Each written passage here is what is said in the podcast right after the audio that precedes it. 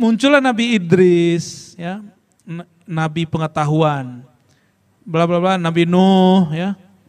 Nah, kita pendek aja Nabi Ib Ibrahim. Ini yang megang namanya Ibrahim nih. Nama ruhnya ya.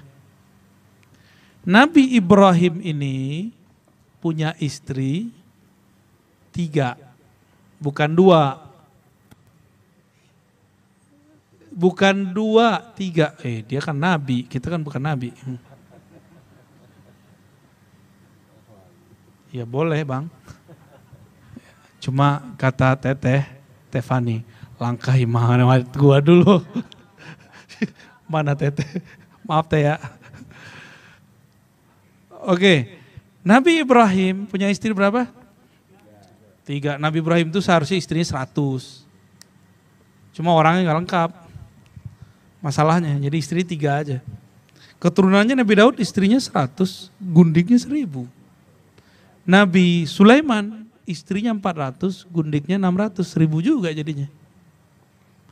Nabi Ibrahim istrinya tiga doang. Dikit banyak tuh. Untuk zaman itu loh ya. Dikit, dikit banget itu. Jadi Nabi Ibrahim begitu udah zuhud itu ya. Sekolah kalau sekarang bukan zuhud, penakut. Hmm, ada yang ketawa, ro'ub. kalau itu wali penakut namanya. Nabi Ibrahim punya istri siapa tadi? Siti Sarah, Siti Hajar. Siapa lagi? Siti Konturoh. Catat tuh namanya. Ketemu di hadis Abu Daud ketemu. Siti Konturoh. Jadi ada tiga ya. Siti Kon. Siti Konturoh itu ibu dari orang-orang Asia Timur, Asia Tenggara. Kita ini orang mana? Asia Tenggara, makanya wajahnya kayak Kang Muhlisin. Kayak Bang Wendy, wajah-wajahnya begini. Nggak ada kan orang orang Amerik begini mukanya. Orang Arab kan nggak ada mukanya begini. Ya, hidung antum beda berdua. Satu mancung ke depan, satu mancung ke bawah. Buya buka dong Buya.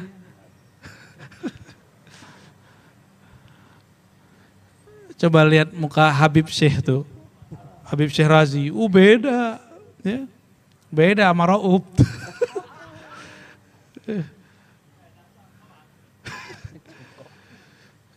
Kenapa beda? Karena Habib Syekh keturunan Siti Hajar. Kita keturunan Siti Konturo, masih saudaraan. Masih saudaraan. Dari Siti Sarah sudah banyak nabi-nabi. Muncullah Bani Israel. Dari Siti Hajar muncullah keturunan Arab. Nabi Muhammad Sallallahu Alaihi Wasallam. Ini akhir zaman giliran Siti Kon Turoh punya anak. Anaknya ada berapa? Ada enam. Ada namanya Madian, ada namanya, oh lupa Madin apa gitu ya. Ada enam. Sampai sekarang saya susah ngapalinnya. Gak tahu tuh giliran Siti Konturoh. Padahal tuh nenek kita. Nenek kita itu. Ya akhirnya begini nih mukanya. Kayak muka antum tuh, muka bid'ah. ya. Tapi sekarang emang begitu. ya. Antum ikhlas nggak aneh gituin. iya, muka muslim tuh masuk tuh. Ya. Jadi jangan-jangan dalam diri kita ada ras Cina, ras Amerika, ras Eropa, ras Israel kan bisa jadi. Itu Taliban sekarang itu secara DNA positif mereka itu Israel positif nggak bisa ditolak melihat aja di papas aja mukanya antara rahib-rahib pendeta-pendeta Yahudi dengan muka-muka yang berserban di Taliban mirip sama nggak jauh beda. Dan tradisinya banyak yang sama. Nggak bisa ditolak itu. Coba antum melihat hasil kajian-kajiannya. Sudah ada laporannya dalam beberapa jurnal malah ya. Yang sudah pernah berjaya, yang sudah pernah sukses memimpin alam semesta, mengemban risalah-risalah kewahyuan, itu keturunan Siti Hajar, Siti Sarah. Siti Konturah kapan? Siapa tahu inilah zamannya kita. Amin. Yang ngomong kan kita eh, nggak uh, boleh kalau nggak pakai kitab katanya Kang Raub. Kalau Raub kan kitabnya beda, alam carut marut. kalau aneh masih pakai perpus ya. Beda sama Baim, alamnya alam goib deh. Jadi dari alamul ghuyub. Kalau kita dari kutub, di, bukan kutub kok, kutub jamak dari kitab. Malik bin Nabi, seorang jurnalis yang menjadi penulis sejarah, ya, dia mengatakan sekarang adalah giliran orang-orang Asia Tenggara, Asia Timur. Dia sendiri sudah membaca itu beberapa tahun yang lalu. Dan banyak sudah penulis-penulisnya. Dan antum sekarang lihat Islam, umat Islam, bukan Islam, umat Islamnya dari tanah Melayu, tanah Jawa, tanah Bugis, tanah Banjar, terus sampai semua Indonesia dan Nusantara. Itu berbeda karakter loh dengan muslim yang ada di Yaman, di Saudi. Coba yang sudah umroh, pas datang di imigrasi coba bacain assalamualaikum ke petugasnya, nggak dijawab. Abu Dhabi, uh, raju rapi-rapi kayak baju wali. Emang baju wali ada ya?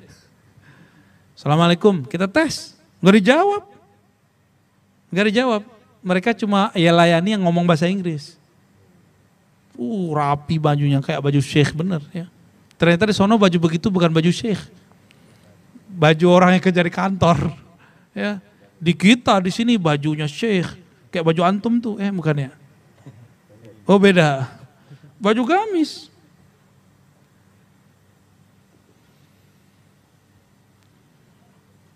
Orang Mesir baik-baik. Tapi karakter muslimnya beda, beda banget. Kita udah jatuh masih bilang untung masih jatuh. Coba kalau tabrakan gitu, beda kita. Hmm. Yang bisa bahasa Arab sering nggak nonton dialog perdebatan orang Arab sama orang Arab. Udah pusing kita ngeliatnya. Ini belum selesai ngomong dijawab sama ini. Mau ulamanya, mau ilmuannya, mau pengamatnya sama. Saya kan hampir tiap hari nonton-nonton eh, TV-TV Arab Sampai bosen, udah gak mau nonton lagi. Baru nonton-nonton kemarin itu ketika Taliban itu ya, kita buka lagi berita-beritanya. Nah, sekarang udah udah mengerti siapa mereka, saya tutup lagi, udah jarang lagi nonton TV-TV Arab itu. Itu mereka kalau debat, kita belum selesai, udah dibalas di situ. Di sana belum selesai, oh kadang-kadang bisa air dilempar. Eh gak ada, benar-benar. Gila, gila benar. Beda kalau di kita kan udah dicaci maki kayak Buya Asfi senyum aja dia ya malah diajak diajak makan sama dia orang yang ngata-ngatain dia Siti Kontura ya maka teman-teman sahabat-sahabat yang melakukan Allah kita berdoa semoga kita termasuk yang berjuang di akhir zaman itu ya jadi kalau tadi Muhammad keluarnya Muhammad bin Abdullah Nabi ngomong. Apa kata Nabi ini bagian akhir? Muhammad bin Abdullah dihapus Kang boleh Kang? Atau digeser sono ah, boleh. Geser geser geser terus terus terus terus terus terus terus. Ya. Ah, dari keturunan Nabi Ibrahim muncul Muhammad bin Abdullah. Ini kan sir maulid ya. Muhammad bin Abdullah. Kata Nabi wasallam, di akhir zaman apabila bumi telah dipenuhi dengan kekacauan, dengan kezaliman yang disebut oleh orang sekarang kegazaliman global. Itu bahasa Nabi itu. Muliat al-ardu zulman wa jawra. Ketika bumi telah terpenuhi merata oleh apa? Oleh kezaliman yang yang global. Sekarang negara-negara di dunia dipaksa nggak beli vaksin? Paksa. Sebelumnya kita terpaksa kena virus. Dan sudah ribuan jutaan orang mati. Dan itu zolim bukan? Mau ada nggak virus terjadi sendiri? Yang belajar kimia pasti nggak ada. Virus itu ada intervensi orang ketiga. Pasti ada intervensi. Dan anehnya, lembaga-lembaga otoritas dunia Kok udah tahu virusnya ada enam? Kan main-main dia berarti. Dikira kita goblok kali ya, bodoh kali ya. ya. Lo kalau dia tahu virus ada enam, virusnya sekarang baru keluar dua. Jangan-jangan maling teriak, maling ya. Antum jangan bilang-bilang ya. Kita curiga aja kan boleh dong kita curiga. Tapi kalau salah tolong dibenerin ya. Siapa tahu ada pakar konspirasi di sini. Jangan-jangan dia juga orangnya ya. Apa kata Nabi? Apabila bumi telah dipenuhi dengan kezaliman. Dan menurut saya, ini adalah awal kezaliman global. Berarti setelah ini akan, akan ada lagi kezaliman, kezaliman, kezaliman. Jadi ini kita alhamdulillah ini agak renggang dikit nih alhamdulillah. Udah vaksin kan semua? Ini panitia bener ya syarat ikut gaji kita vaksin ya? Awalnya, sekarang gimana? Ya, Indonesia sudah 90% vaksin? Ya seharusnya kalau udah segitu masker udah boleh dicopot seharusnya ya. Eh Bu ya. Seharusnya. Kalau sudah terjadi kezoliman global, kata Nabi, Allah akan utus seseorang dari zuriatku. Ya. Rojulan, rojulan katanya. Min itrati, min waladi.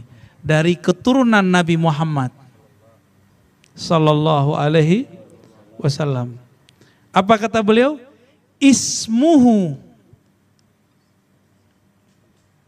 yuwatiu ismi.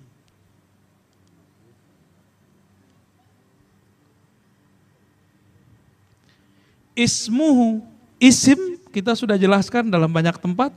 Apa arti isim? Bukan nama. Kata Imam Bajuri apa? bukan bajai bajuri, tapi itu tanda dulu yang bikin naskahnya itu. Bapaknya kayaknya dulu ngaji di pesantren NU atau pesantren Tarbiyah Islamia atau pesantren Al Khairat atau pesantren NW ya. Di situ ada hasyiah alba juri atau bay juri ya. Imam Al-Bajuri mengatakan isim itu artinya ada dua. Nah ini antum ingat-ingat nih, ingat-ingat. Makna pertama daripada isim adalah as-sumu. Apa arti sumu? Sama, sama. Apa arti sama? Samawat, tujuh langit. Sama itu di bawah pada atas? Hah? Semua yang di atas disebut sama bahasa Arabnya. Benar ya? Sumu. Maka orang Arab tuh kalau menyebut pejabat-pejabat tinggi, sahibus sumu. Giliran Nabi Muhammad gak boleh dipakai Sayyidina. Di Saudi itu. Mereka bilang Sayyidina bidah, tapi sekarang udah enggak. Yang khotib bahasa yang khotib di di Madinah, di Mekah sudah sering baca Sayyidina untuk nama Nabi Muhammad Sallallahu Alaihi Wasallam. Ya, semoga ini perlahan-perlahan kita melihat pengajar-pengajar di sana itu diam-diam menyembunyikan kehalusunahannya. Zohirnya wahabi. Ya. Sumu artinya ketinggian makom, ketinggian ilmu. Ketinggian makom, ketinggian ilmu. Terus yang ketiga, eh, yang kedua, wasem. Bukan muka wasem, masem ya apa arti wasam? Wasamun. Simahum fi wujuhihim min atharis sujud. Simahum. Sama. Apa arti simahum? Tanda. Jadi ini artinya ketinggian, ini artinya tanda. Tanda-tanda yang ada padaku ada pada Al-Mahdi. Ketinggian ilmuku, kedalaman ilmuku, ada pada Al-Mahdi. Maka cara untuk mengenal Al-Mahdi asli hanya ngaji sirah Nabi. Sirah Nabi itu berserakan di banyak riwayat dan sudah dikumpul oleh ulama-ulama dalam kitab Barzanji, Simtud Duror, Dia Ulame, apalagi? Hmm? Syama'il, Syama'il masih masih masih ya, kalau ini sudah enak Udah kumpulan ini. Itulah kenapa, ini hati-hati, ini hati-hati, ini rahasia. Jika ada sekelompok orang anti kepada pembacaan maulid-maulid Barzanji kah, Simtuduror kah, saya curiga dia sudah terkena di kolbunya kegelapan Dajjal. Zulmaniyah Dajjal. Itu yang saya khawatirkan. Kenapa? Karena di dalam Barzanji itu ada sir-sir cara mengetahui imam akhir zaman. Itu. Contoh kita ambil satu nih, wasem, wasem. Tanda.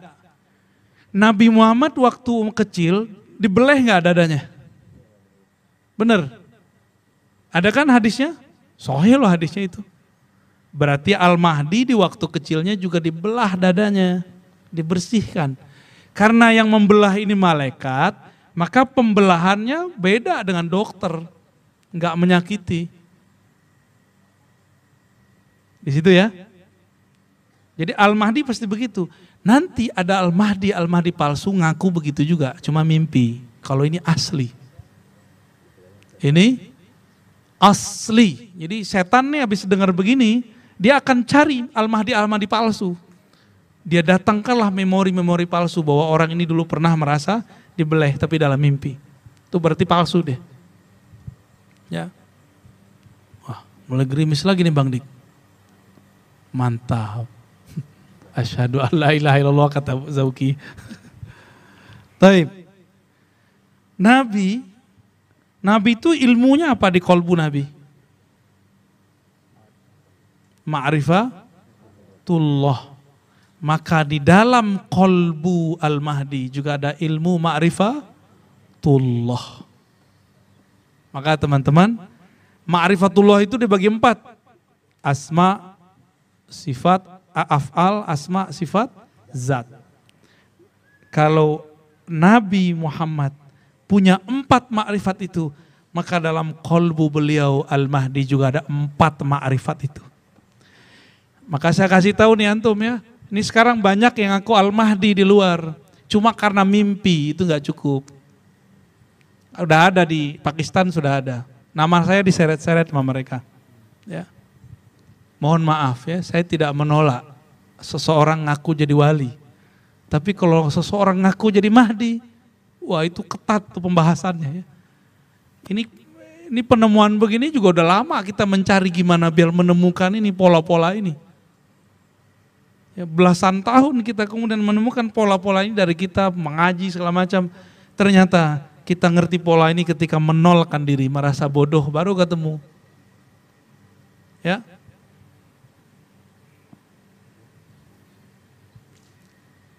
Apalagi tandanya. Tanda yang paling besar dari Nabi Muhammad adalah beliau di Mi'rajkan, benar. Maka nanti Al-Mahdi pasti di Mi'rajkan juga. Itulah yang disebut islah. Ya, maka kalau ingin dekat dengan pergerakan Al-Mahdi, kita menghidupkan maulid Nabi. Biar cerita-cerita tentang Nabi itu masuk ke alam bawah sadar kita. Nanti kalau kita ketemu dengan pemilik nama ini, pemilik isim ini, kita tahu, eh ente ternyata gitu. Eh kamu ternyata, eh dia ternyata, malu kita jadinya ya. Ya, bisa tersungkur-sungkur kita nanti ya. Maka teman-teman yang melakukan Allah mengetahuinya sungguh tidak mudah. Maka jika ada orang menggampangkan ngaku-ngaku di YouTube bahwa dialah Mahdi, dia akan dibaiat tahun 2000 sekian. Ya. Ada yang udah buka-bukaan 2023, ada yang bilang 2027, ada yang 2028. Oh, datang ke kita. Ya, datang ke kita. Maka nanti 2027 prediksi saya wallahu alam ya kalau umur kita panjang semoga amin terus sampai akan banyak muncul orang berebut ingin debaiat di Makkah. Mungkin itu barangkali kerusuhan nanti di di tanah haram. Sini ngaku, sini ngaku, sini ngaku. Ya. Ngaku, ngaku. Ya, perang apa? Perang bayat.